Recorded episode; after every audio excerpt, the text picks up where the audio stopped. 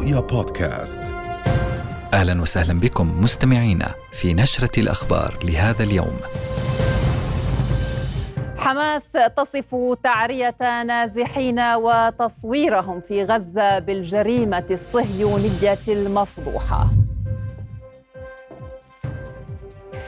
بانتظار قرار أممي لهدن في غزة قصف مكثف على القطاع والقسام تحبط محاوله إسرائيلية لاستعادة جندي أسير. وستة شهداء بينهم طفل في مسلسل التصفيات اليومي. مجزرة جديدة يرتكبها الاحتلال في مخيم الفارعة جنوب طوباس. وأيضا في جنوب لبنان جبهة لا تهدأ مدفعية الاحتلال تواصل قصف عدة مناطق وحزب الله يوسع دائرة الاستهداف. للجمعة التاسعة مسيرات حاشدة تضامنا مع الفلسطينيين وتنديدا بدعم واشنطن لعدوان الاحتلال على غزة. من عناوين النشرة إلى تفاصيلها أهلا بكم. you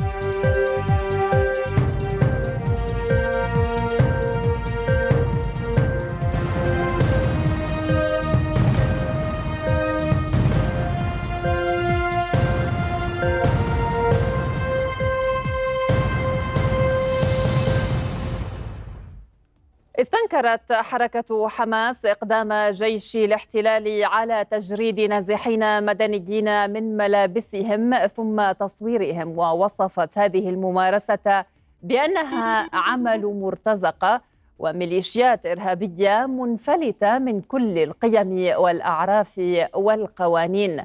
وطلب القيادي في الحركة عزة الرشق كل المؤسسات والمنظمات الحقوقية والإنسانية إلى التدخل الفوري والضغط بكل الوسائل للإفراج عن المعتقلين المدنيين الأبرياء في قطاع غزة.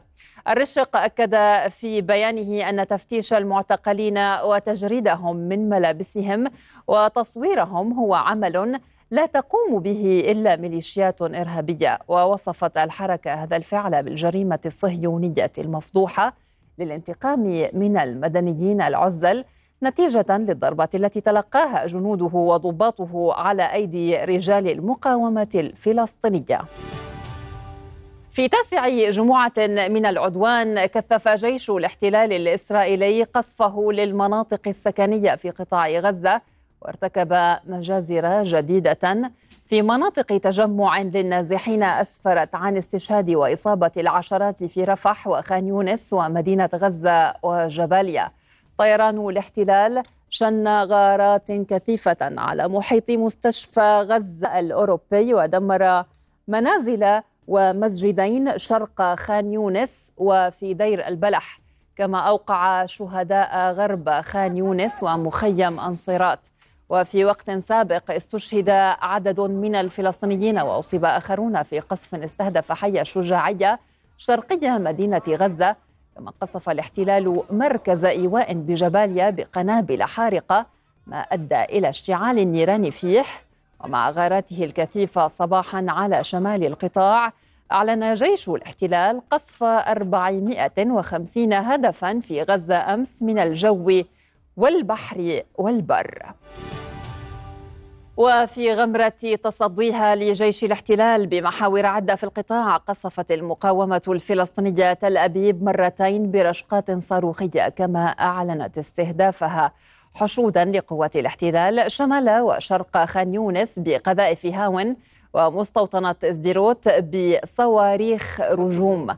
وذكرت المقاومة عصر اليوم أنها استهدفت قوة للاحتلال داخل مدرسة ابن عثيمين بخان يونس بقذيفة TBG مؤكدة وقوعهم بين قتيل وجريح كما استهدفت لاحقا قوات شرق تل الزعتر بوابل من قذائف الهاون. وفي بيانات متتالية أعلنت المقاومة خوضها اشتباكات ضارية شرقي خان يونس ودير البلح بالأسلحة الرشاشة والقذائف المضادة للدروع كما دمرت دبابة وآليتين بحي الشيخ رضوان وآلية في حي الشجاعية وفي وقت سابق أفشلت المقاومة سعي الاحتلال لاقتحام عمق مخيم جباليا ودمرت عددا كبيرا من آليات الاحتلال عند تخوم المخيم. كما أعلنت المقاومة إفشال وصول قوات الاحتلال لأحد الجنود الأسرى لديها فجر اليوم بعد الاشتباك معهم ومقتل وإصابة عدد منهم. ومع تلك المواجهات الدامية أعلن جيش الاحتلال مقتل جنديين في معارك شمال غزة وإصابة ثالث بجروح خطيرة ما يرفع حصيلة قتلاه منذ السابع من أكتوبر إلى 420 منهم 93 جنديا وضابطا منذ بدء المعارك البرية في السابع والعشرين من أكتوبر. وذكرت وسائل إعلام عبرية أن جنديا قتل قبل أيام جراء إطلاق صاروخ من مروحية لجيش الاحتلال أخطأت الموقع المستهدف. وتصاعدت أعداد قتلى قوة الاحتلال خلال الأيام الماضية مع اشتداد المعارك مع المقاومة الفلسطينية في عدة محاور على رأسها خان يونس. في السياق ذاته زعم رئيس وزراء الاحتلال مجددا أن قوته ستقضي على حركة حماس وهو الأمر الذي ردده أكثر من مرة واستبعده عسكريون ومحللون سياسيون. يواجه النازحون في قطاع غزة أزمة جديدة تتمثل بالحصول على خيام تقيهم من البرد وسط معاناة يفاقمها فصل الشتاء. في أثناء بحثنا عن قصص إنسانية هنا في رفح وفي طريقنا إلى آه، مستشفى حمد التي آه، تقام حديثا هنا والتي ستخدم جنوب القطاع. هذه المستشفى لم يتم تجهيزها بعد وأصبحت مركزا للإيواء ومكانا لاستقبال اللاجئين. صادفنا في الطريق عددا كبيرا من العائلات الفلسطينية التي لم تستطع حتى هذه اللحظة أن تنشئ خياما تجلس فيها لتحتمي من آآ هذا البرد وكذلك الشتاء. وهناك بالتحديد هناك آلاف العائلات الفلسطينية التي تتواجد دون أن تعثر على مكان أو مأوى تحتمي فيه. هم يريدون أو يطالبون بضرورة أن تتواجد لهم خيام كالبقية ممن نزحوا. إيش اللي إيش إيش يا عم اللي بصير؟ إيش؟ والله وضع صعب ولا واحد حاسس فينا كمان هنا. يعني إحنا قاعدين لنا ثلاث أيام.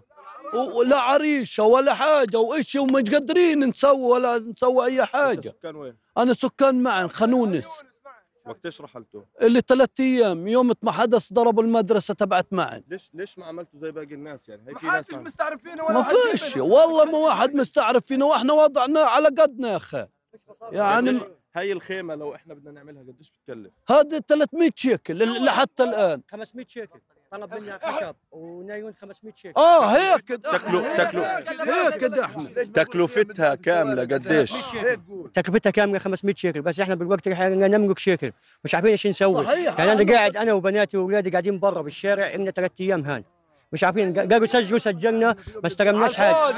ما فيش تسجيل ولا في أي حاجة. إحنا بنطالب بنطالب من الوضع برا وإحنا بنعيش بنعيش في الوضع السيء اللي إحنا فيه. انظر لنا بعين الرحمة. إحنا برضه فلسطينيين. أنا من الشاطئ. أنا تهجرت لي 53 يوم مش عارف إيش أسوي. وانقصفنا وانضربنا واتصوبنا وكله على الفاضي مش عارفين إيش نسوي بحياتنا. يعني إحنا أقل مقومات الحياة إحنا بنكتسبها مش موجودة عندنا. يعني آه، من خان يونس من الشاطئ. من خان يونس. برضه خان يونس خان يونس خان يونس مدرسه آه نزحتوا على نزحنا هينا قاعدين زي ما انت شايف. ولا في شيء. مع انه إيش نزحنا في شيء ما قدرناش نطلع. ضربوا كل المواقع الثوانه ضربوا كل المدرسة ضربوها الثوانه أحسن ما طلعنا إحنا زي ما انت شايف طلعنا. ولا شيء.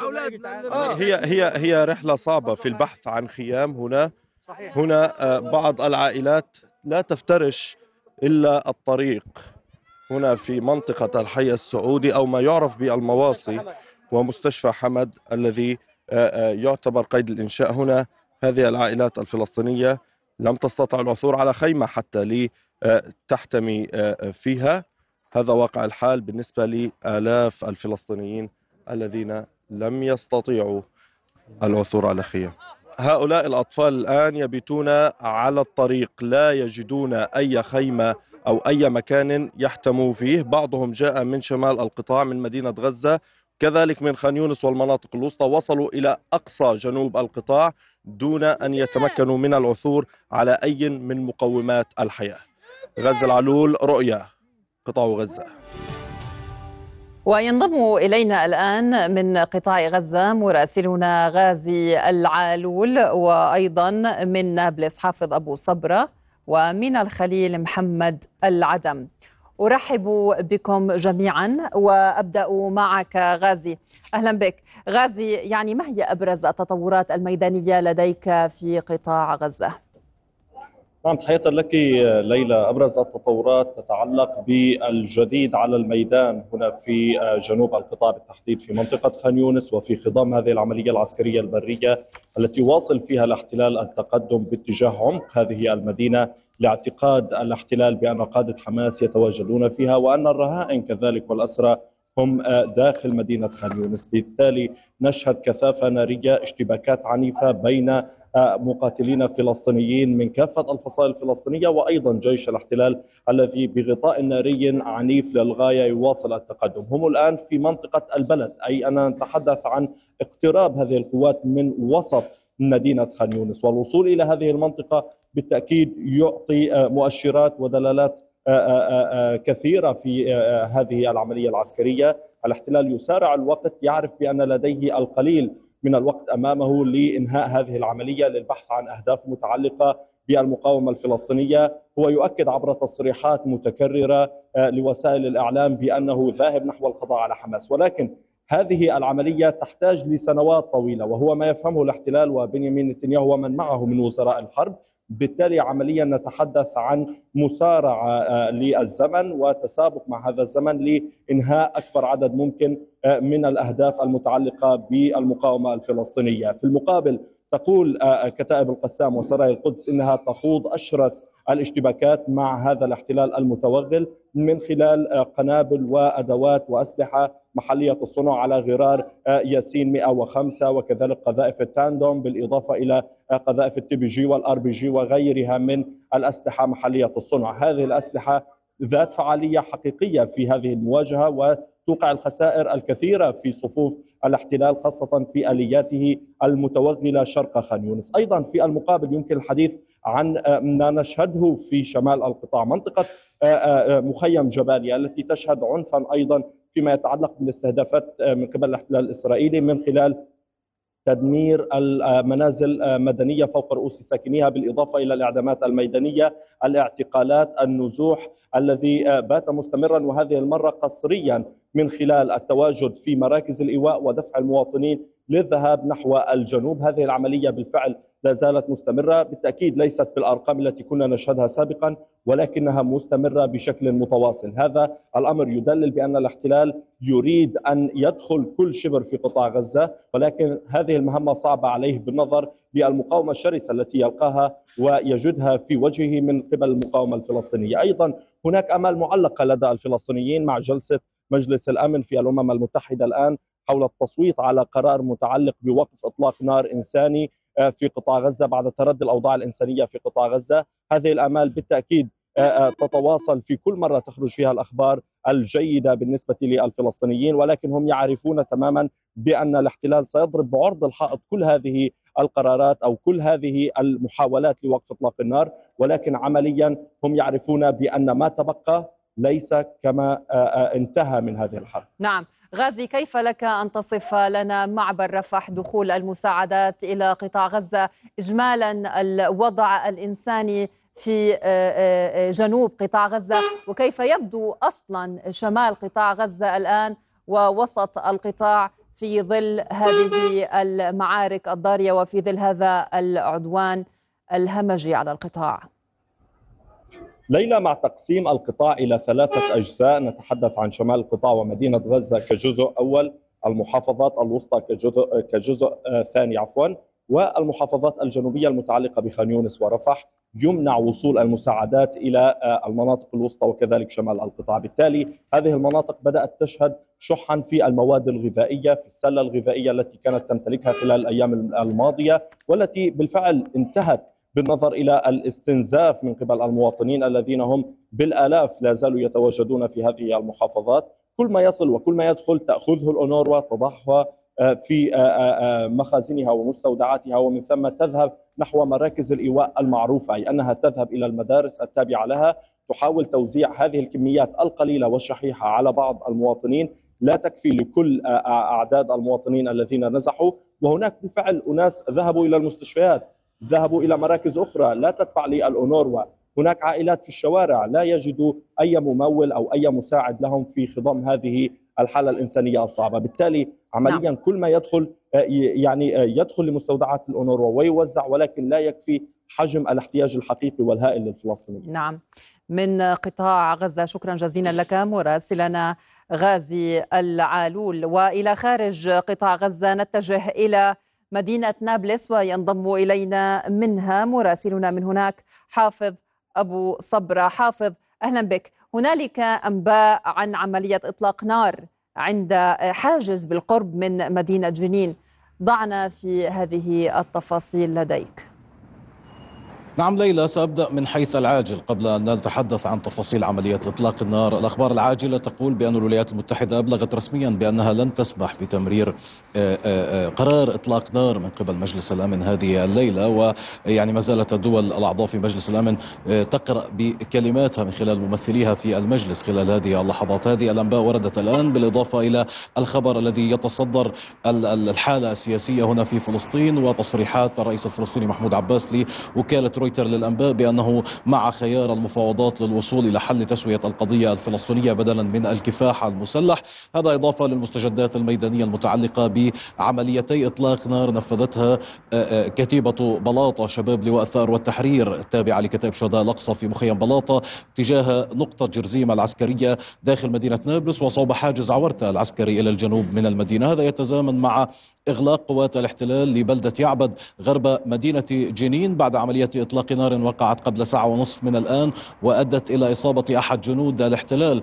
آه، عند حاجز دوتان العسكري الذي يفصل مدينة جنين شمال الضفة الغربية المحتلة عن الأراضي المحتلة عام 48 وبالتحديد مستوطنة ميفو دوتان المقامة على أراضي الفلسطينيين التابعة لمدينة جنين في الضفة الغربية ومدينة أم الفحم في الداخل المحتل عام 48 آه، يعني هذه أبرز آه، ملخص الحالة الميدانية والسياسية خلال الساعة الأخيرة. إضافة لأن المقاومة الفلسطينية قامت بقصف تل أبيب ومحيطها ومستوطنات تل أبيب الكبرى ووصلت الصواريخ إلى يعني مستوطنات مقامة على أراضي مدينة بيت لحم حيث رصد المواطنون هناك صواريخ القبة الحديدية بعدد على أقل تقدير ستة صواريخ نعم. خرجت لتتصدى لصواريخ المقاومة التي وصلت إلى مغتصبات مقامة على أراضي جنوب الضفة الغربية فيما رصد المواطنون صواريخ وصلت إلى مستوطنات في محيط شمال ووسط الضفة الغربية بالتحديد في مناطق جنوب نابلس وسلفيت شمال الضفة الغربية المحتلة. نعم.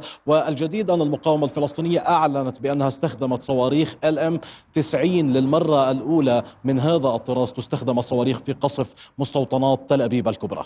نعم من نابلس كنت معنا حافظ أبو صبرة. شكرا جزيلا لك. والآن أنتقل إلى مدينة الخليل مع مراسلنا محمد العدم.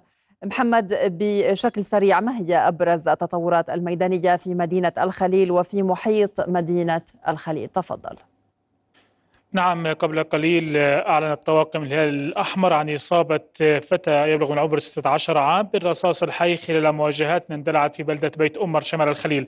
الاحتلال منذ ساعات الأمس اقتحم بلدة بيت أمر في الشمال أكثر من مرة وقام باستهداف المنازل بقنابل الصوت والغاز وصدر عدد من المركبات المتواجدة في الشارع العام.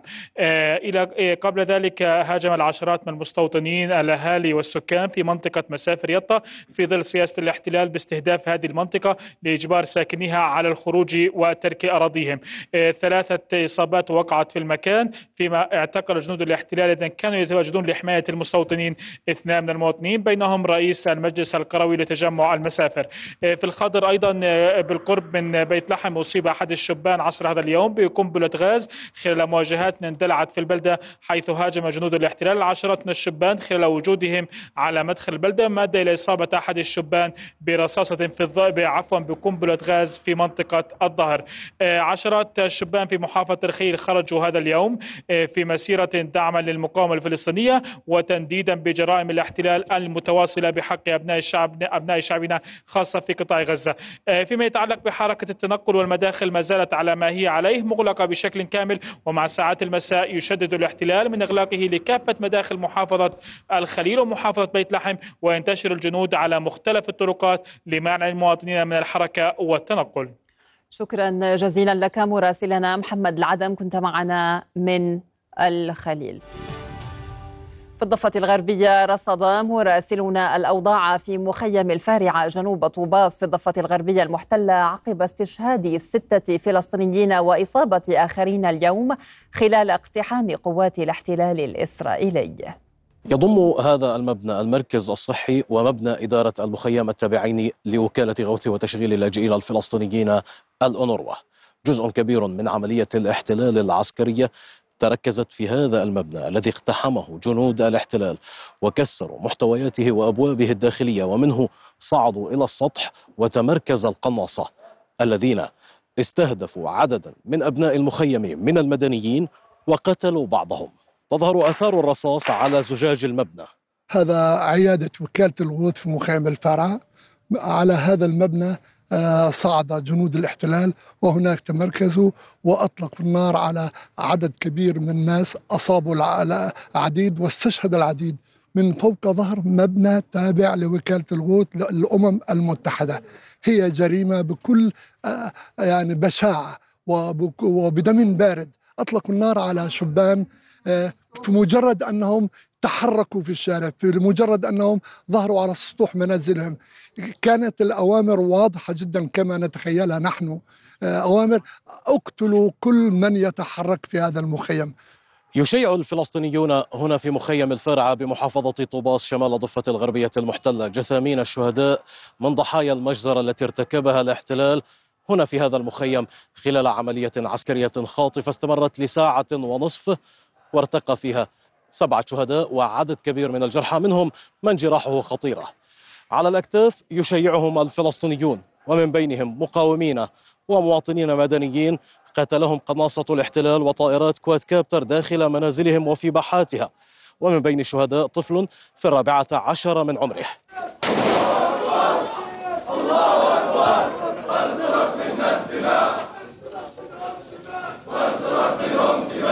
حتى يكتمل المشهد في مخيم الفارعة بصورة تشابه ما يمارسه الاحتلال من جرائم في مخيمات شمال الضفة الغربية. كان لابد من استهداف الممتلكات الشخصية للمواطنين اللاجئين من أبناء المخيم. وهنا يظهر استهداف الاحتلال لمركباتهم. هنا خلال العملية العسكرية التي بدأت صبيحة هذا اليوم وانتهت خلال ساعة ونصف. وكما أسلفنا خلفت عدد من الشهداء والجرحى. هذه المركبة مثلا قوات الاحتلال أحرقتها بشكل كامل فيما أعطبت عشرات المركبات واستهدفت مداخل المنازل والمحال التجارية على امتداد الشارع الرئيسي في المخيم وفي الأزقة والمداخل الفرعية. من مخيم الفارعة في محافظة طوباس شمال الضفة الغربية المحتلة حافظ أبو صبرة رؤية. أكد المتحدث باسم وزارة الصحة في غزة الدكتور أشرف القدرة ارتفاع ضحايا العدوان لنحو أكثر من 17 ألفا وإصابة 46480 غزيا 70% منهم من الأطفال والنساء. وأفاد القدرة بأن المستشفيات استقبلت خلال الساعات الماضية فقط 313 شهيدا و558 إصابة مع وجود عدد كبير من الضحايا تحت الأنقاض وفي الطرقات وسط منع الاحتلال سيارات الإسعاف من القيام بعملها في إنقاذ الجرحى من الخطر. عبر القدرة عن قلقه من خسارة المزيد من الجرحى بسبب عدم توفر العلاج وتأخر خروجهم من غزة وسط تردي الوضع الصحي في الجنوب هذا وطالب الجهات الدولية بتوفير مستشفيات ميدانية عاجلة لشمال غزة وطالب أيضا بالتحرك العاجل لإنقاذ الكوادر الصحية المحتجزة بين أيدي الاحتلال. واصلت شرطة الاحتلال في مدينة القدس المحتلة إجراءاتها العسكرية والأمنية المشددة التي منعت المقدسيين من أداء صلاة الجمعة في رحاب المسجد الأقصى وصلى آلاف المقدسيين صلاة الجمعة على شكل مجموعات في مناطق متفرقة بالقرب من البلدة القديمة فيما صلى آخرون في مساجد قريبة منهم بسبب منعهم من دخول المسجد الأقصى. وبحسب تقديرات فقد تمكن من الوصول إلى الأقصى خمسة ألاف شخص بعد أن كان يصلي في الجمع العادية تقريبا خمسون ألفا على أقل تقدير وشددت قوات الاحتلال إجراءاتها على أبواب البلدة القديمة ومنعت جميع المصلين من كافة الأعمار من الوصول إلى الأقصى لأداء صلاة الجمعة باستثناء سكان البلدة القديمة. وإلى جنوب لبنان تواصل مدفعية الاحتلال الإسرائيلي قصف عدد من القرى والأودية والتلال في المنطقة الحدودية في الجنوب وأشارت إلى أن عددا من القذائف قد سقطت داخل الأحياء السكنية في أعديسة فيما يقصف جيش الاحتلال بشكل عنيف بستان الجوز ومنطقة باب التنية جنوب الخيام وألقى الاحتلال الإسرائيلي قذائف فسفورية على أطراف عيت الشعب. من جانبه استهدف حزب الله موقع رويسات العلم في تلال كفر شوبة ومزارع شبع اللبنانية المحتلة بالأسلحة الصاروخية ليصل عدد المواقع الإسرائيلية التي استهدفها عند الحدود مع فلسطين المحتلة. إلى الآن إلى أربعة. والآن تنضم إلينا من جنوب لبنان مراسلتنا جوانا ناصر الدين. جوانا أهلا بك. هنالك أنباء عن استهداف الاحتلال محيط مركز الجيش اللبناني في منطقة رأس الناقورة. ما هي المعطيات المتوفرة لديك حتى هذه اللحظة؟ وما هي آخر التطورات حتى هذه الساعة؟ هناك تبادل للقصف بين حزب الله وجيش عند آه، آه، ريشة. آه، هذا بعد تصاعد القصف الإسرائيلي طيلة بالفعل الاحتلال استهدف ثلاثة مواقع للجيش اللبناني في رميش في عين ابل وفي رأس الناقورة، مصادر أمنية تقول لرؤيا أن عنصرا من الجيش اللبناني أصيب بعد تنشقه. دخان القذائف الفسفورية التي أطلقها العدو على المركز الاستشفائي العسكري في اخراج عين ابل في جنوب لبنان، أما في رأس الناقورة فعلمنا أنه آه، آه، تم استهداف مركز المخابرات آه، والبحرية في الجيش اللبناني من قبل الاحتلال بأكثر من قذيفه وتم نقل ثلاث إصابات في صفوف الجيش أحد العسكريين مصاب بشظية في كتفه إلى مستشفيات سود بعد إصابتهم بالاختناق وأيضا بهذه الإصابات الطفيفه. في المقابل إذا أردنا أن نحصي هذا اليوم نتحدث عن أن حزب الله استهدف سبعة مواقع عسكرية إسرائيلية. هذا اليوم آه، آه، آه، من بينها موقع الراهب الذي استهدفه بشكل وحيد بصاروخ بركان. على أثر هذه الاستهدافات كثفت مدفعيه الاحتلال من قصفها على مختلف المناطق الحدودية وعلى أطراف البلدات وأخراج البلدات الحدودية بشكل أكبر في القطاع الغربي، كان هناك استهداف واضح بأكثر من صاروخ في منطقة العديسي على أحد المقاهي وبين منازل المدنيين تسبب بأضرار آه، جسيمة. كما كان هناك آه، قصف عنيف بالقنابل والقذائف الفوسفورية على أطراف بلدة آه، رميش بالإضافة إلى كل بلدات القطاع الغربي. أود أن أشير أيضا إلى إلى أنه حزب الله إلى أن حزب الله نعى عنصرا جديدا من عناصره. استشهد خلال هذه الاشتباكات منذ بعض الوقت دور صفارات الإنذار في الجليل الأعلى وأعلام العدو يقول إنه رفض محاولة تسلل من الأراضي اللبنانية، ليس هناك أي معلومات من الجانب اللبناني أو من أي مصادر أمنية في الجانب اللبناني ولكن هذا ما أعلنه الاحتلال، أعود وأذكر بالخبر العاجل أنه في هذه الأثناء هناك اشتباكات بين حزب الله وجيش العدو الإسرائيلي عند بركة ريشا، ليلى؟ نعم، جوانا آه، ماذا عن المدنيين في جنوب لبنان؟ حركات النزوح لك أن تطلعينا على ما يجري؟ بالفعل ليلى قبل آه، بدء الهدنة في غزة والتي بطبيعة الحال سرت على آه، الحدود اللبنانية لأن جبهة لبنان كانت جبهة مساندة لغزة. عاد قسم من أهالي المناطق الحدودية خصوصا المتاخمة للخط الأزرق لاستفقاد منازلهم وبساتينهم وكل ما إلى ذلك. ولكن عندما عادت هذه الاشتباكات عادت عاد النزوح من المناطق الحدودية باتجاه سور وأيضا باتجاه العاصمة بيروت. إذا أردنا أن نتحدث عن أرقام نتحدث عن ما يقارب 23 ألف نازح من المناطق الحدودية. هذا فقط من تم إحصاؤهم آه، من قبل هيئة الإحصاء المركزي وتوجهوا إلى مراكز إيواء في سور ولكن بحسب هيئات المجتمع المدني نتحدث عن أكثر من 55 ألف نازح من المناطق الحدودية تركوا مناطقهم ومنازلهم ونزحوا باتجاه مناطق أكثر آه، امنا. بهذا الموضوع بالذات ليس هناك من أي تعويضات أو من أي التفات من قبل لا هيئات الإغاثة ولا الدولة اللبنانية التي لا تمتلك المقومات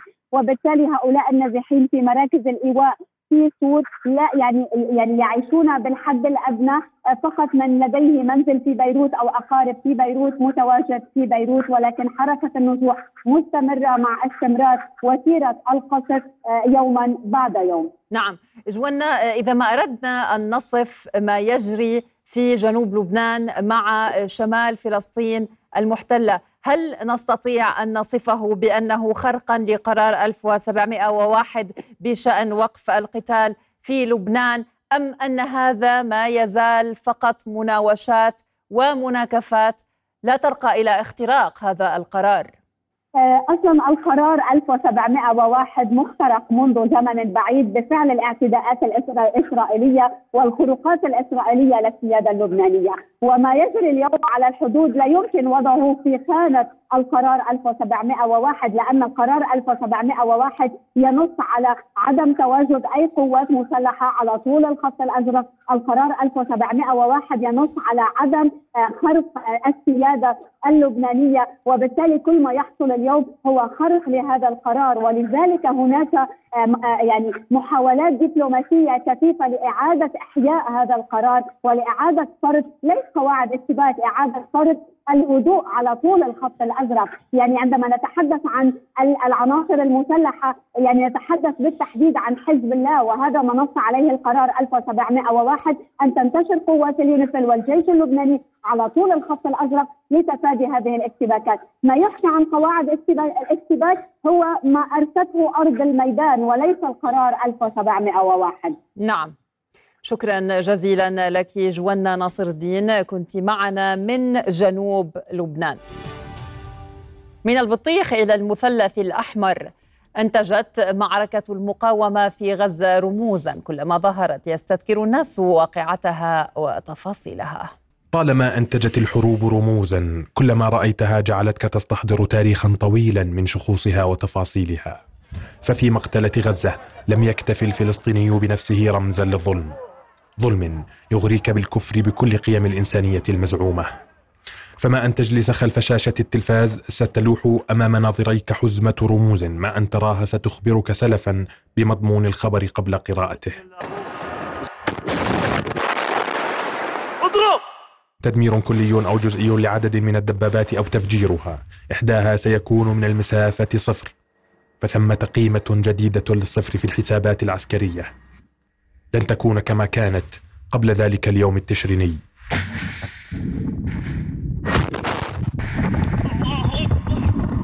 ولأن حرب المقاومة صعبة للغاية فإن كتابة الحلول بحبر السياسة أصعب فهي تحتاج لكثير من الأصفار.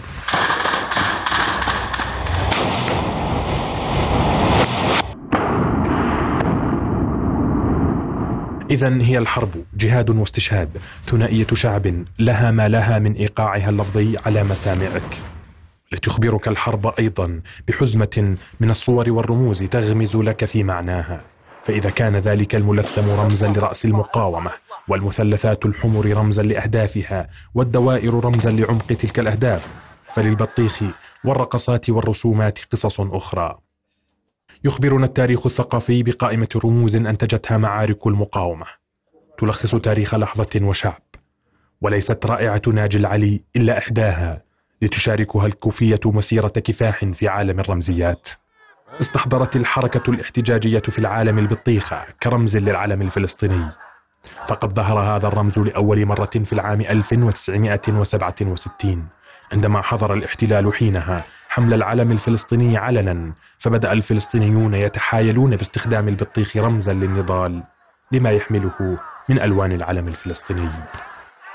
وما الرموز في حالة الحروب إلا إشارات ترثي الشهداء كلما رأيتها وتجمع الغضب لاستمرار المقاومة.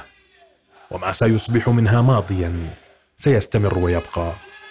يوسف أبو رمان رؤيا قال الأمين العام للأمم المتحدة أنطونيو غوتيريش أمام مجلس الأمن حول الوضع في غزة إنه كتب للمجلس مستشهدا بالمادة 99 بعد الوصول إلى نقطة الانهيار على حد قوله. علنيا يعقد مجلس الأمن الدولي اليوم جلسة تحت البند المعنون الوضع في الشرق الأوسط بما في ذلك قضية فلسطين. وفي جلسة علنية يعقدها مجلس الأمن الدولي قال غوتيريش إن القيود التي يفرضها الاحتلال الإسرائيلي في غزة تجعل تلبية منظمات الأمم المتحدة لاحتياجات السكان صعبا. وتوقع غوتيريش أن تؤدي الأحداث في غزة إلى انهيار كامل للنظام العام وزيادة الضغط من أجل النزوح الجماعي إلى مصر.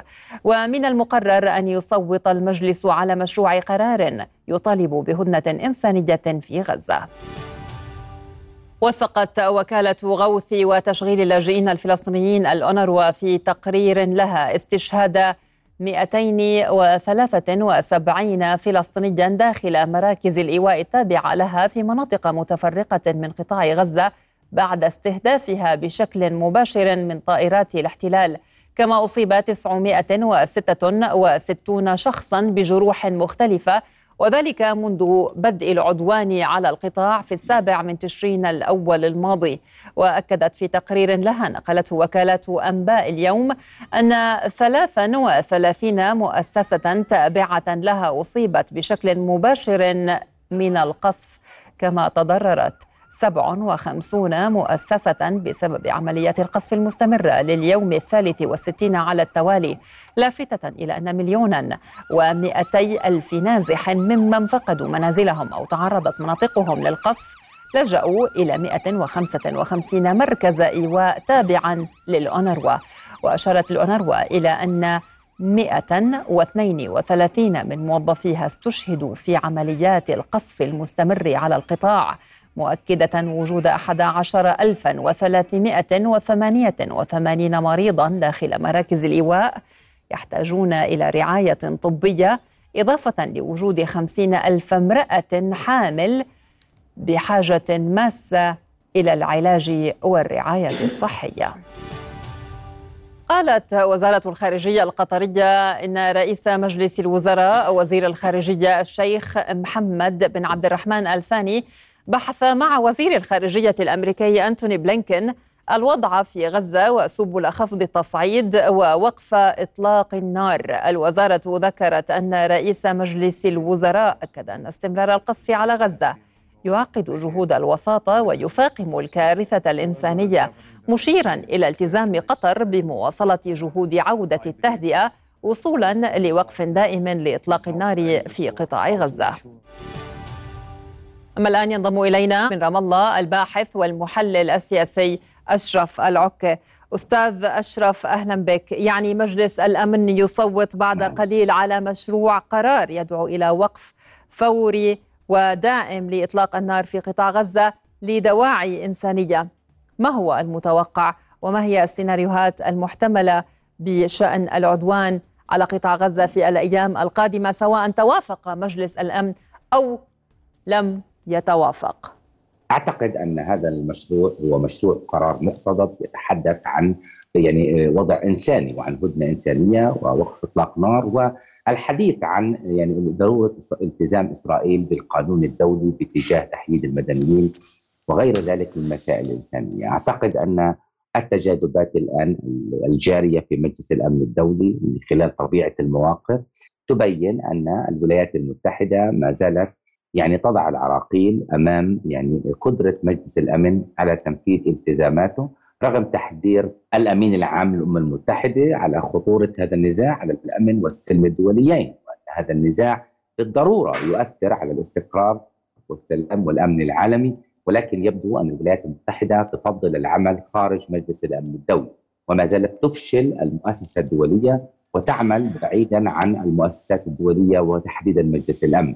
هذا يبين لنا أن اولا على صعيد هذا النزاع على صعيد هذا النزاع لا يمكن لمجلس الأمن أن يأخذ قرارات ملزمه في ظل التعنت الأمريكي والشراكة الأمريكية الكامله في هذه الحرب بل الولايات المتحدة تشعر بأن إسرائيل ما زالت مهزومة في قطاع غزة ولم تحقق أي إنجاز وبالتالي ليس الآن وقت يعني آه، المفاوضات أو وقت يعني التدخلات الإنسانية أو أي شكل من أشكال التدخل الذي يقلل من وطأة الكارثة الإنسانية كما وصف الأمين العام.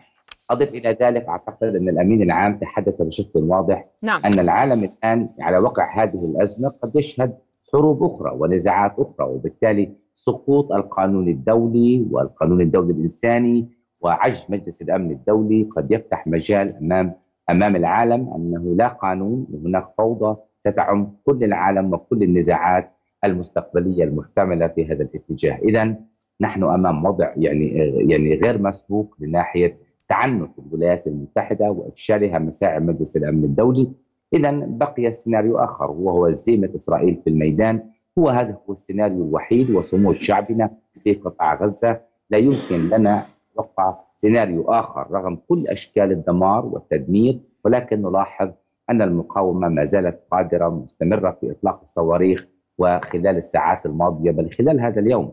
يعني رشقتين صاروخيتين متتاليتين على على على على تل أبيب الكبرى على خلاف غزة وفي عمق فلسطين المحتله وعلى عسقلان واسدود وكل المناطق بقوة وكثافة وتصميم. هذا دليل على أن إسرائيل ما زالت عاجزة عن تحقيق أي شيء عسكري ولهذا الولايات المتحدة مش يعني غير مستعجلة أن يكون في هناك قرار آه، من مجلس الأمن بالمستوى القانوني أو أي حتى أي إطار سياسي.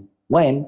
في هناك حديث عن بعض اللقاءات السياسية وهناك اجتماع سيكون للجنة الوزارية المنبثقة عن آه، آه، اللجنة المشتركة العربية في مع بلينكن في الأمم المتحدة على امل ان يكون في هناك شيء ما يضغط على الولايات المتحدة بهذا نعم. طيب أستاذ أشرف يعني هنالك آه، تغير واضح آه، آه، للهجة إدانة الأمم المتحدة لما يجري في قطاع غزة. وظهر ذلك جليا في حديث أنتوني بلينكن وأيضا حديث مندوب فلسطين لدى الأمم المتحدة. وأشار بشكل واضح وتساءل ما هي الأهداف التي يضعها آه، كيان الاحتلال. الأهداف هي فقط تطهير عرقي تهجير ونزوح الفلسطينيين من أماكن سكناهم. وأيضا قال أنطونيو غوتيريش آه، آه، أن عيون العالم وعيون التاريخ تراقبنا وعلينا أن نقوم بما يتوجب علينا القيام به. هذا التغير في اللهجة وهذا وهذه الإدانة غوتيريش أدان أيضا الهجمات على قطاع غزة وطالب بإطلاق سراح غير مشروط للأسرى الفلسطينيين. كيف لهذه التصريحات؟ أن تؤثر على قرار مجلس الأمن أو أن تؤثر على أمريكا الداعم الأول لكيان الاحتلال لوقف إطلاق النار ولإدانة كيان الاحتلال على ما يرتكب من جرائم لم نشهد لها مثيلا بعد الحرب العالمية الثانية. يعني اولا هذه التصريحات مهمة وذات قيمة سياسية وإنسانية وأخلاقية وأعتقد أن الأمين العام أخذ دوره يعني النزيه والحكيم باعتباره أمين عام لهذه المنظمة الدولية وعليها ما عليها من مسؤوليات لحفظ الأمن والسلم الدوليين لفضح أي ممارسات تنتهك القانون الدولي والقانون الدولي الإنساني وميثاق الأمم المتحدة. ولاحظنا أن إجراءات إسرائيل يعني من كل أشكال الممارسات ممارسات حاطه للكرامة الإنسانية آه، آه، ولا تصون الكرامة الإنسانية بهذا الاتجاه. واسرائيل بهذا كما قلت هي والولايات المتحدة مزقت ميثاق الأمم المتحدة ولم تجعل له أي قيمة. أعتقد أن وقاحة الولايات المتحدة وعنجهيه ووقاحة إسرائيل وصلاتهما لا يثنينهما عن يعني عن تلك آه، آه، الطموحات والأماني والافتراضات الغير منطقية والافتراضات التدميرية الانتقاميه ضد الشعب الفلسطيني وضد مقاومة شعبنا في قطاع غزة وليس فقط في قطاع غزة. هناك مؤامرة كبيرة على حقوق الشعب الفلسطيني. واعتقد علينا الا ننخدع بما يطرحه بلينكن ولا السياسة الخارجية الأمريكية ولا ما تقوله هذه الإدارة، هذه الإدارة هي إدارة يعني منذ اللحظة الأولى لم تفي بتعهداتها حتى مع السلطة الفلسطينية التي قطعتها يعني إبان حملة إدارة بايدن الانتخابية، هذه الإدارة لم يكن لديها ممثل لعملية السلام أو مبعوث لعملية السلام تجاه في المنطقة. ولم يكن لديها أي خطة لعملية السلام ولم تطرح أي شيء سياسي ينقذ حل الدولتين كما كانت تدعي ما قبل هذه الأزمة، وعندما جاءت هذه الأزمة يأتي بلينكن عمليا حتى اللحظة بلينكن لم يستطع أن يجبر إسرائيل على إعادة الأموال الفلسطينية المحجوزة لدى إسرائيل. ويأتي يوعد الشعب الفلسطيني بدولة أو بحل سياسي مستقبلي استراتيجي هذا غير منطقي، كل ما تريد الولايات المتحدة وحلف الناتو الآن هو إقامة قاعدة عسكرية لتأمين مستقبل تجارتهم وحقول النفط والغاز في منطقة شرق البحر المتوسط وقناة البحرين وغير ذلك من مشاريع اقتصادية تخدم وجود الولايات المتحدة وأهدافها وغطرستها ومصالحها في المنطقة. لهذا السبب إذا افشلت الولايات المتحدة صدور هذا القرار الإنساني قرار مجلس الأمن لاعتبارات إنسانية أعتقد أن على العالم وعلى المنطقة أن لا تتعامل مع الولايات المتحدة بل على الولايات المتحدة أن تعيش تلك يعني العزلة التي يجب أن تعيشها في منظور ومفهوم العلاقات الدولية عندما تدمر دولة فاعلة بهذا الحجم وبهذا المستوى. ويجب عليها هي أن تكون راعية للأمن والسلم الدولي والاستقرار في العالم وفض النزاعات وحل المشكلات العالمية بطرق سلمية. أعتقد أنها تمارس يعني ممارسة فجة بهذه الطريقة وخاصة أن الجريمة الآن في غزة واضحة شديدة الوضوح لا لبس عليها لا مبررات لاستمرار هذه الحرب ولا قدرة حتى لإسرائيل إيه، على أن تنجز انجازا عسكريا لانها لا تقاتل مقاتلي حركة حماس بل هي تدمر المواطنين وتبيد السكان في قطاع غزة ولديها أهداف سياسية غير فقط التهجير وتدمير قطاع غزة هو يعني إنهاء مشروع يعني آه، الفلسطينيين في تقرير المصير وفي الدولة وفي العودة وفي أن يكون لهم كيانية آه، مستقلة في حدود الرابع من نعم. هذا ما يجب أن تفهمه تماما من كل هذه الممارسات الاسرائيليه. نعم، هل من الممكن أن نتوصل إلى حل الدولتين والعيش بسلام إلى جانب هذا الكيان يعني برأي حضرتك هل التوصل إلى اتفاق سلام عادل وشامل من الممكن التوصل إليه في ظل هذه الحرب التي يشنها كيان الاحتلال هذه الهمجية هذه يعني الوحشية كيف لنا أن نصف هذا الحل هل أصبح بعيد المنال؟ يعني هو بعيد المنال وقد يكون ليس بعيد المنال ولكن ما هي الديناميكيات والديناميات المؤدية إلى هذا الاتجاه أو ذاك. أعتقد أن عبر الحرب لا تستطيع إسرائيل تحقيق السلام بغض النظر عن طبيعة نتائج هذه الحرب. ان لم تستطيع حتى السلطة الفلسطينية أو غيرها أو أو أي يعني أي جهة من المجتمع الدولي أو الإقليمي يعني أن يعود إلى غزة بفعل ذلك الدمار أو التدمير التي الذي ما زال مستمرا بحق القطاع والمستقبل والأيام القادمة تنبئ بدمار أكثر. ولاحظنا حجم يعني التدمير آه، والقتل يزداد وازداد بعد الهدنة الإنسانية وخاصة في منطقة الجنوب المكتظة أصلا والتي تج... والتي عمليا تجمع بها آه، يعني آه، غالبية سكان القطاع. هذا مسألة في غاية الاهميه أعتقد أن موضوع حل الدولتين يعني يتطلب ديناميكيتين أو عاملين أساسيين. اولا يجب أن يكون هناك تغيير في في في الحكم في إسرائيل في من يقود إسرائيل وأن تأتي قوى سلام معنية تماما بانشاء آه، يعني سلام عادل وشامل هذا من جهة. الجهة الأخرى يجب أن يكون في هناك إرادة دولية، هذه الإرادة الدولية يعني على سبيل المثال يجب أن يكون في هناك توافقات من خلال قرارات ملزمة عبر مجلس الأمن الدولي، قرار ملزم حسب البند السابع من أجل تطبيق حل يعني مجلس الامن حل الدولتين. على اعتبار أن حل الدولتين هو قرار مجلس الأمن الدولي 242 و 338 هو قرارات يعني مجلس أمن دولي ولكن حسب البند السادس. بمعنى حل نعم. هذا النزاع بالوسائل والطرق السلمية. نحن وصلنا وفق تلك الآلية الدولية إلى عجز مجلس الأمن عن حل النزاع بالوسائل والطرق السلمية، بالتالي يجب بحث الآليات الملزمة التي تجب إسرائيل وهذا يتطلب عمليا تفاهمات بين الدول الكبرى الفاعلة في النظام العالمي والدولي وعلى طريقة التسويات الكبرى ويعني والتقاسم بين تلك القوى الفاعلة نعم. في النظام. في لحظة. لم نجد والقوى الإقليمية هي يجب أن تدخل على مسرح نعم. هذه الأحداث بقوة وبجدية ولا تبقى يعني عمليا تراقب وتطلب من الولايات المتحدة وتناشد هنا وهنا. نشكرك جزيل الشكر الباحث والمحلل السياسي أشرف العكي كنت معنا من رام الله. ازدادت معاناة الطفل الفلسطيني في غزة منذ بدء عدوان الاحتلال على القطاع في السابع من أكتوبر الماضي. ويسعى الاحتلال إلى استهداف الأطفال بشكل مباشر منذ ستين يوما. التقرير التالي يظهر حجم معاناة الأطفال في القطاع.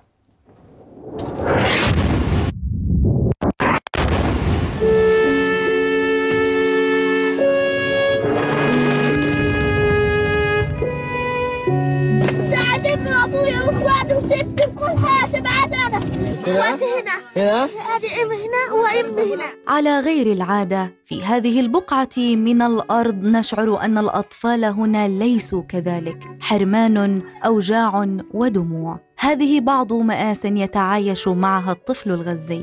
الله بعد والله الله فوق والله الله كثير خلاص يابا مالي يابا خلص حبيبتي والله الله كثير أنا مش خش أنا ممكن أنا جبت ورق جبت قدام قديش عارف كيف قدام عن جد ويمكن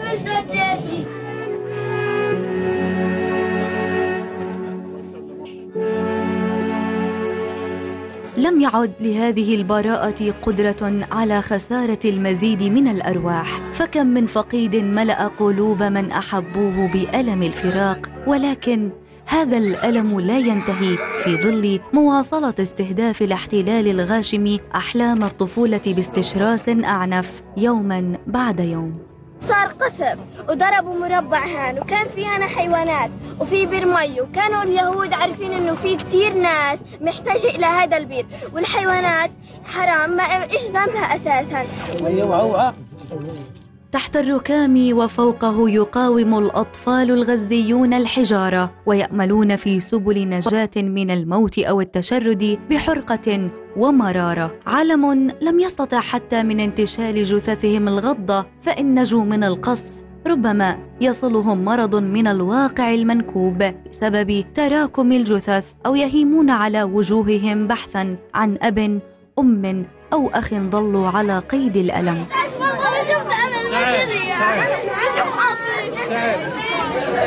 تعال. هاي إخوانك تعال تعال. هاي أبوك هاي إخوانك. لا مش هذول وفي غمرة الصدام مع علقم الحياة يثبت أطفال غزة للعالم أجمع. معنى أن تكونوا أصحاب الأرض. تقاومون الجوع والعطش. ردا على الظلم والبطش.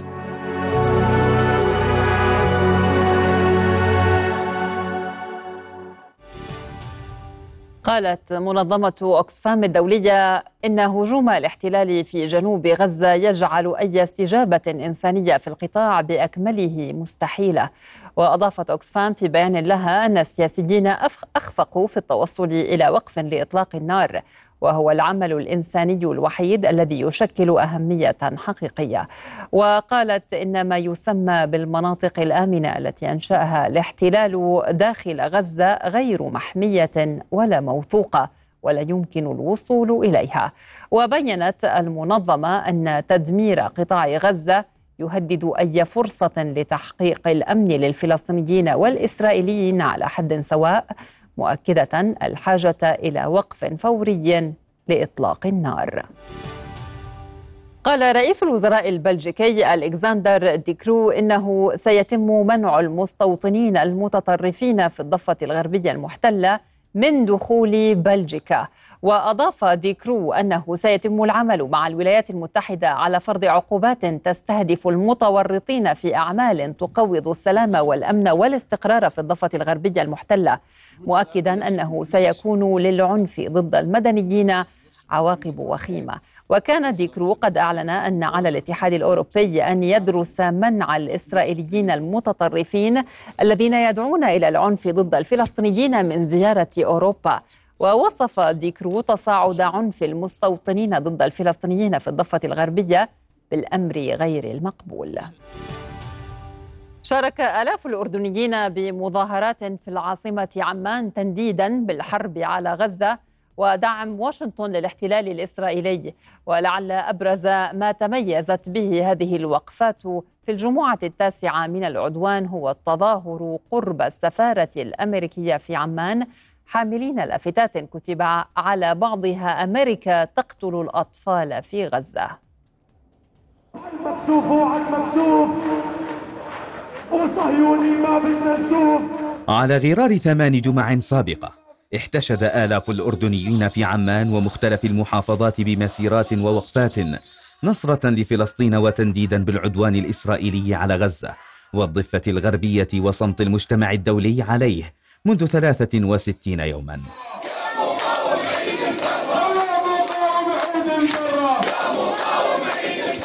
من أمام المسجد الحسيني انطلقت مسيرة حي المشاركون فيها صمود أشقائهم الفلسطينيين رافعين شعارات تضامنية ومرددين هتافات تؤكد الوقوف الشعبي الكامل في الدفاع عن المقاومة والانتصار لها. كما شارك المئات في مسيرة مماثلة من منطقة الدوار السادس صوب عبدون قرب السفارة الأمريكية منددين بدعم واشنطن لعدوان الاحتلال وسط انتشار أمني كثيف.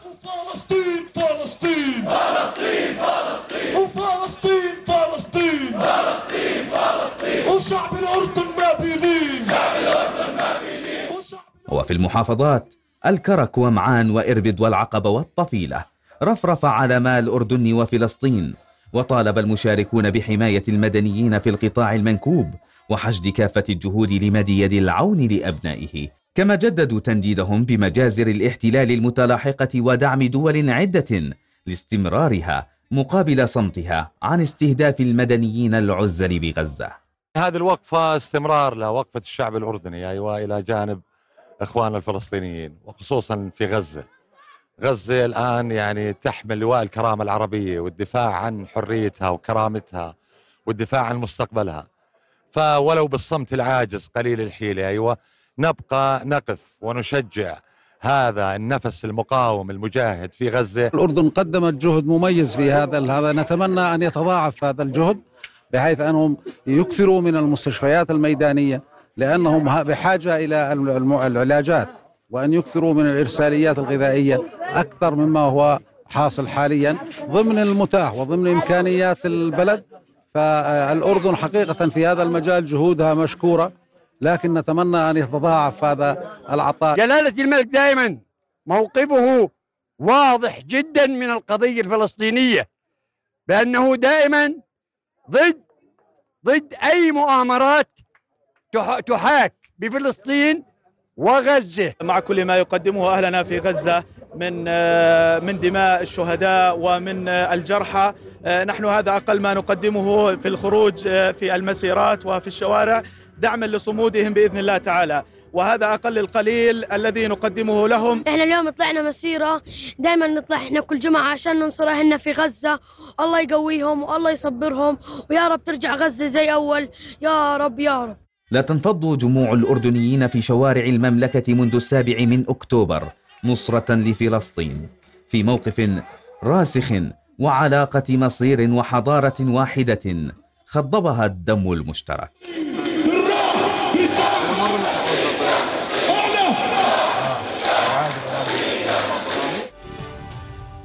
وتتواصل الوقفات المسائية في منطقة الرابية في محيط سفارة الاحتلال تنديدا بالعدوان على غزة. للمزيد ينضم إلينا من هناك مراسلنا أسامة بليبلي. أسامة أهلا بك. يعني آه، جمعة آه، تاسعة لم يهدأ بها الشارع الأردني. أجمل لنا أبرز ما رصدته من وقفات على مدار هذا اليوم سواء في وسط البلد أو في محيط سفارة كيان الاحتلال. هذا اليوم. تفضل.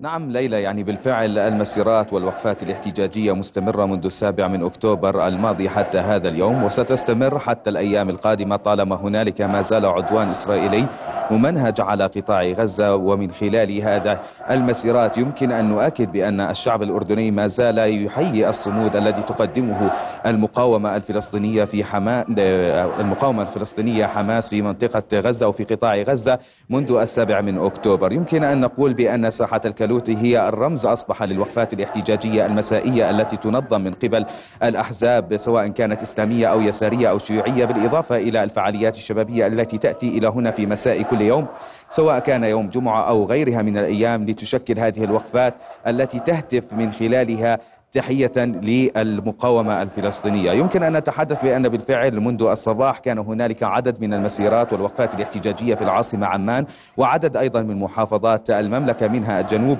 والشمال أيضا. هذه الوقفات جميعها جاءت تحت عنوان واحد ربما هذه المرة وهو التأكيد بأن استمرار الحرب يأتي بناء على الدعم الأمريكي المستمر للعدوان الإسرائيلي الذي يقدم له الأسلحة وكافة ما يلزمه من استمرار هذه الحرب التي شاهدناها وشاهدنا قسوتها على قطاع غزة. يمكن أن نشير بأن أيضا الهتافات أصبحت تختلف عن السابق بما يتعلق في عملية الضغط على الحكومة بالإضافة إلى الدول العربية وغيرها من الدول التي من شأنها التحرك الجاد لعملية إيقاف هذه الحرب المستمرة حتى هذه الساعات.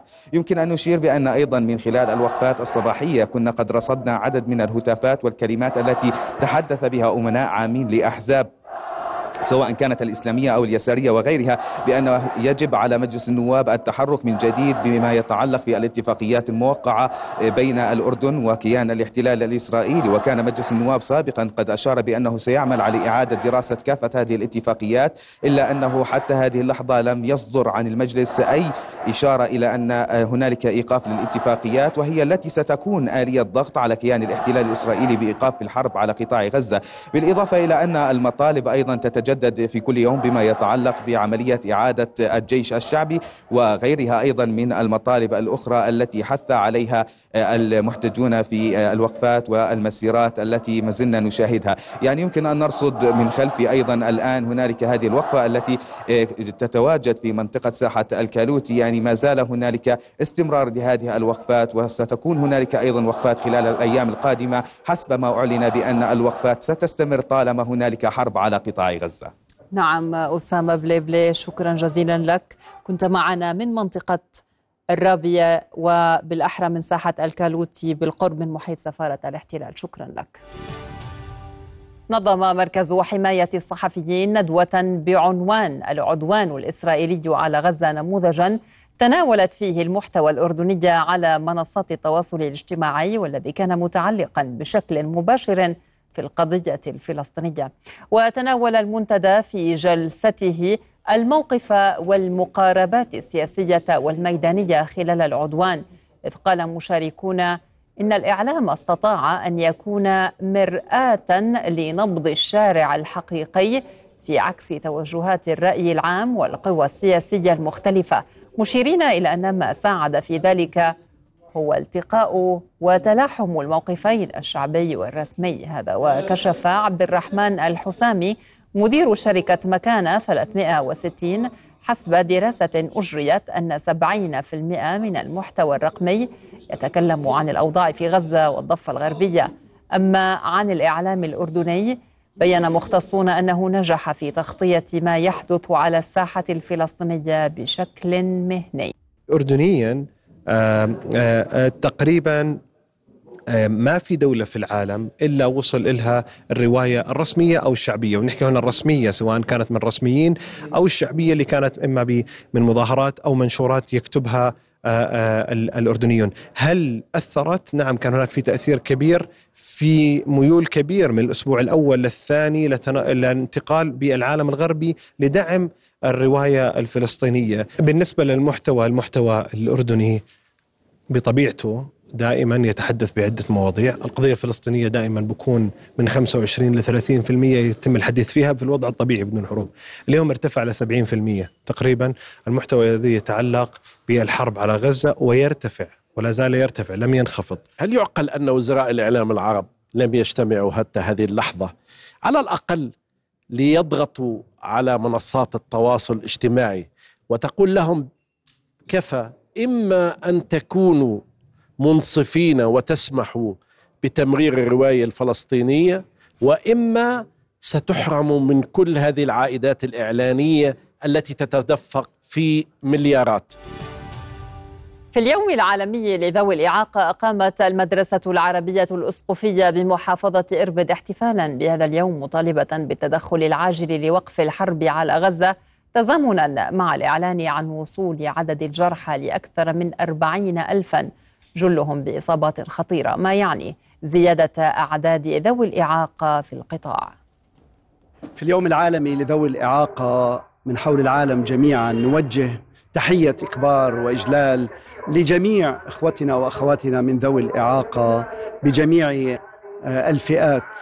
واليوم نوجه أنظارنا خصوصا إلى غزة حيث نسمع ونقرأ ونرى في وسائل الإعلام أن هناك أكثر من أربعين ألف مصاب في غزة بسبب هذه الحرب الدائرة. ونرى من بينهم من فقد قدمه أو يده أو عينه أو فقد إحدى هذه الحواس. نوجه أنظار العالم ليس فقط لتهدئة السلام وإن كان هذا وقف الحرب وإعطاء السلام وإن كان هذا مطلبا رئيسيا ولكن أرجو أن لا ننسى هؤلاء الذين كانوا من قبل الحرب من ذوي الإعاقة والذين أصيبوا أثناء الحرب بإعاقات مختلفة.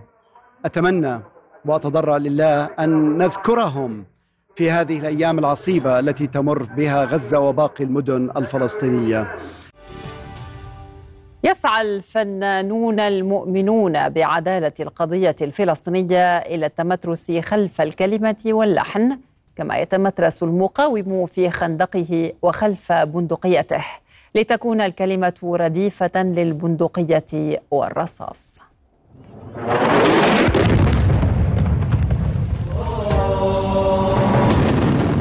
صامد صامد صامد يا دار صامد. صامد رغم الحصار. فن خلينا نحكي والأغنية الوطنية بالذات والأغنية الفلسطينية على الأخص هي دائما كانت مواكبة للبندقية الفلسطينية في المقاومة. فكانت دائما هي الرديف لهاي البندقية ولهاي المقاومة كانت تعبر عن جميع حالات المقاومة والمقاومين والاستشهاديين واللي استشهدوا واللي ضحوا.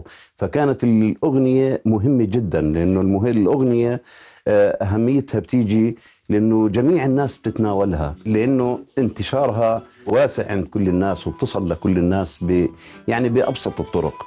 فعالميا هي مؤثرة لأنه أنت لما تتناول هاي القضية بشكل إنساني آه، فالناس خاصة الأجانب اللي ما بيعرفوا عن القضية لما يسمع هاي الأغنية وخصوصا إذا كانت مترجمة مثلا بحس بمعاناة هذا الشعب. الدافع في البداية وفي الأساس هو دافع وطني يعني. آه، يعني اللي بيدفع الشاعر الشاعر إحنا خلينا نحكي الشاعر هو لسان حال الناس هو اللي بيتكلم عن معاناتهم عن آه، جميع ما يحصل لهم. فأنا يعني من البداية كشاب أقدرش أقف يعني أشوف شعبي قاعد بتقتل وبتدبح وهذا قلمي يظل جاف مستحيل. يعني أنا من من الأغاني اللي أنا بجوز كتبتها بدموعي أغنية صامد اللي غناها عبد الفتاح عوينات. صامد في حي الزيتون في رفح وفي بيت حنون.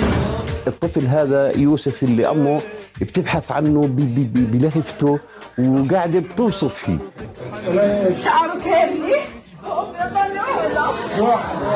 فأنا أخذت بس كلامها نفسها يوسف حلو يوسف حلو شعره كيرلي ما أجمله. عمره لسه سبع سنين مربي على الغالي ومدلله غزتنا الحرة. نزرعها ثورة. ونلبسها كليل. أنا اللي شايفه أغلب الفنانين شغالين يعني. كلياتهم زي ما حكيت لك.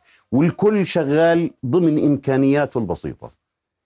يعني آه، في بعض الأغاني وعلمت عند الناس ونزلت. في أغنية يعني هزت هزت الدنيا. يعني أخذوا كلمة آه، مراسل الجزيرة وائل الدحدوح كلمة معلش ونزلوا عليها أغنية فكانت رائعة جدا. معلش. إنا لله يا أشرف وإنا إليك راجعون. حط السيف قبال السيف الحق بيرجع على أصحابه شوفوا هالبارودي كيف. فتحت هالسجن وبابه. هذا هو سلاح التحرير يصنع فرحة وعرس كبير. أقسمنا منخلي أسير عين أمه تبكي غيابه. وهي قصيدة يعني آه، كتبتها صورة عن أم الفلسطينية اللي بتنتظر في ابنها على المعبر وهو متحرر من الأسر. فبتحكي مدري حلم ولا علم صحوني يا الله. معقول عيني شافتك ولا العقل ولا؟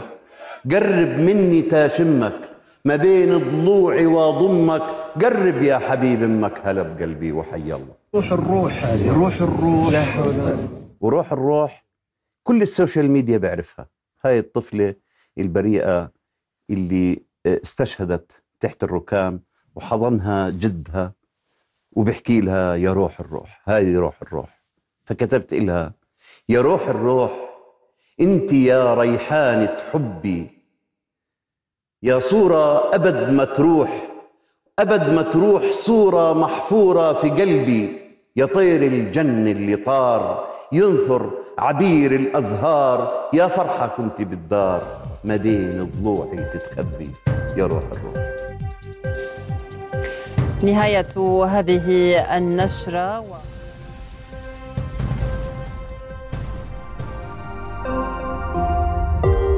رؤيا بودكاست